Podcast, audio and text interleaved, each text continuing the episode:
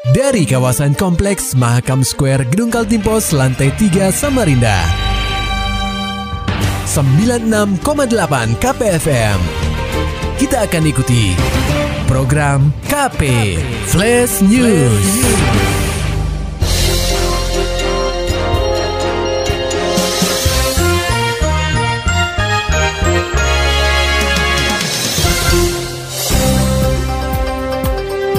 Anda sedang menyimak program KP Flash News bersama saya Agung Pratama. Berita utama.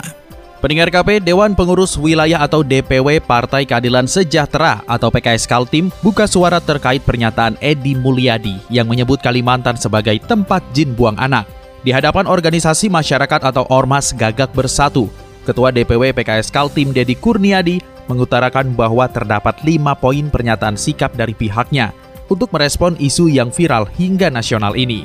Dedi menuturkan secara umum PKS Kaltim mengecam tindakan yang mengancam persatuan dan kesatuan bangsa. Selain itu, PKS menyatakan bahwa Edi Mulyadi bukanlah kader PKS, meski pernah menjadi calon legislatif dari PKS sebelumnya.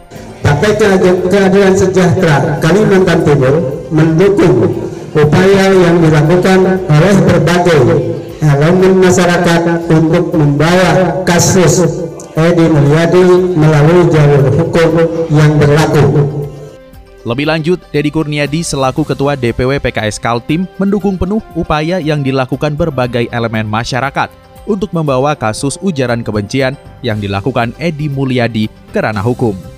Pendengar KP, hasil olah TKP awal kebakaran di KM Pantok Krator disebabkan oleh adanya sumber api yang disengaja. Laporan selengkapnya akan disampaikan reporter KPFM Samarinda, Muhammad Nur Fajar.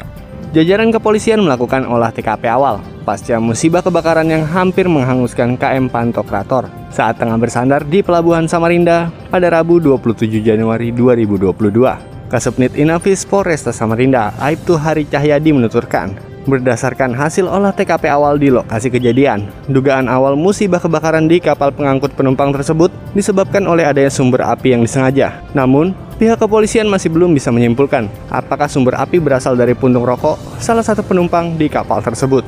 Saat ini kami melakukan olah TKP untuk mengetahui apa penyebab kebakarannya. Dan selanjutnya nanti kami koordinasi dengan pihak lapor cabang Surabaya untuk kita datangkan untuk mengecek apa penyebabnya. Dugaan awal kebenaran? Dugaan awal sementara disebabkan oleh adanya sumber api yang disengaja, bukan dari uh, on listrik. Puntung rokok atau gimana itu? Untuk itu belum, nanti kita tunggu hasil dari lapor. Untuk sementara, pihak kepolisian akan melakukan koordinasi bersama Lapor Cabang Surabaya. Hal ini dilakukan agar mereka bisa datang guna mengecek penyebab pasti musibah kebakaran. KPFM Samarinda, Muhammad Nur Fajar melaporkan. Beralih ke berita selanjutnya, pendengar KP cegah penyebaran COVID-19, Pemkot Samarinda mewajibkan setiap kantor pelayanan publik dan tempat hiburan masyarakat untuk menerapkan aplikasi Peduli Lindungi. Namun masih ada berbagai tempat di kota tepian yang belum menggunakan aplikasi Peduli Lindungi sebagai syarat untuk masuk ke tempatnya.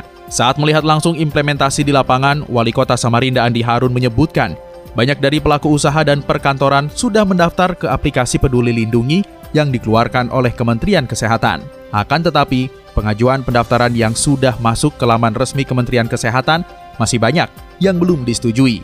Alhasil, masih saja ditemukan ada fasilitas publik yang belum menerapkan aplikasi Peduli Lindungi. Jadi rata-rata mereka udah udah minta, cuma belum belum di apa? Ya. Jadi masih menunggu dari uh, pihak website sendiri, Pak. Ya, karena kita nggak bisa nggak bisa aplikatif di lapangan kalau nomor anunya itu belum ada kan?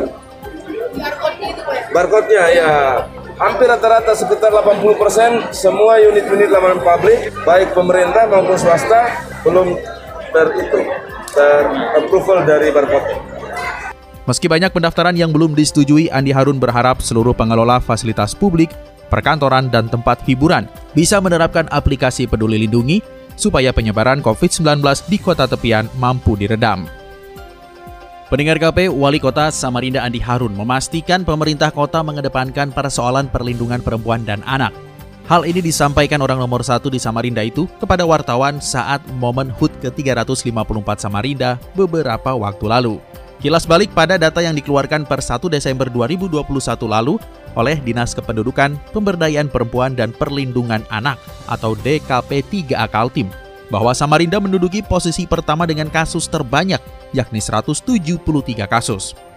Andi Harun menyebutkan Samarinda memiliki rumah perlindungan bagi anak perempuan.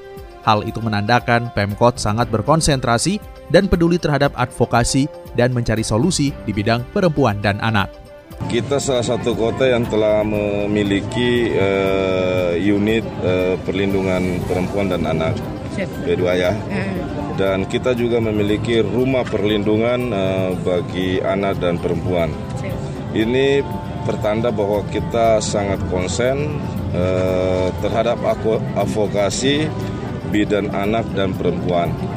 Tapi di sisi lain sebagai sebuah kota besar yang tumbuh setiap saat, kita melakukan edukasi, melakukan advokasi, dan mencari solusi atas semua permasalahan eh, yang dialami oleh anak dan perempuan. Andi Harun menyebutkan dirinya bersama Wakil Wali Kota Samarinda Rusmadi bertekad untuk terus berkomitmen pada hal tersebut agar pada tahun-tahun berikutnya angka kasus kekerasan terhadap anak dan perempuan bisa ditekan dan lebih minim. Beralih ke dunia olahraga, Raker Prof Pertina Kaltim hasilkan dua keputusan penting. Berikut laporan reporter KPFM Samarinda, Maulani Alamin. Rapat kerja Pengpro Persatuan Tinju Amatir Indonesia atau Pertina Kaltim menghasilkan beberapa kesepakatan Tajuk utamanya adalah penyelenggaraan cabang olahraga tinju di Porprov Kaltim ke-7 tahun 2022 di Berau. Pertama, tentang penerapan jumlah kelas standing. Pertina berencana menerapkan peraturan baru dari Asosiasi Tinju Amatir Dunia untuk putra dari 10 kelas menjadi 13 kelas, sementara putri dari 10 kelas menjadi 12 kelas. Kesepakatan kedua adalah seputar penggunaan jasa atlet tinju Kaltim untuk membantu daerah kontestan bersaing Porprov Kaltim ke-7. Atlet dimaksud adalah atlet dari seleksi Pertina Kaltim dalam kejuaraan yang digelar beberapa hari terakhir di Samarinda. Berikut keterangan Ketua Pertina Kaltim Ismail Bolong. Setiap tahun saya melakukan kejuaraan tinju Pertina jadi biar mereka terlibat ya, ya. mereka terlibat jadi bibit-bibit yang potensi di Kaltim ini bi bisa kita lihat siap dan mana potensi Rapat kerja tersebut dibuka oleh Wakil Ketua dua KONI Kaltim Muslimin. Dalam sambutannya, Muslimin mengapresiasi langkah cepat Pengprov Pertina Kaltim yang melaksanakan sederet agenda pada awal tahun. Yang tentu saja dari semua agenda kegiatan KONI Kalimantan Timur yang di bawahnya ada kurang lebih 65 cabang olahraga baru Fortina Kaltim yang langsung sebelum dilantik. Ini belum dilantik ini. Belum dilantik sudah melaksanakan raker sudah melaksanakan kejuaraan jadi ini merupakan eh, sebuah prestasi tersendiri yang nanti kita harapkan ini bisa terus dilaksanakan. KPFM Samarinda Maulani Alamin melaporkan. Maulani Alamin Muhammad Nur Fajar KPFM Samarinda serta dapatkan berita-berita selengkapnya di www.968kpfm.co.id. Demikian tadi telah kita simak rangkaian berita-berita yang terangkum dalam program KP Flash News. Persembahan dari 96,8 KPFM. Terima kasih dan sampai jumpa.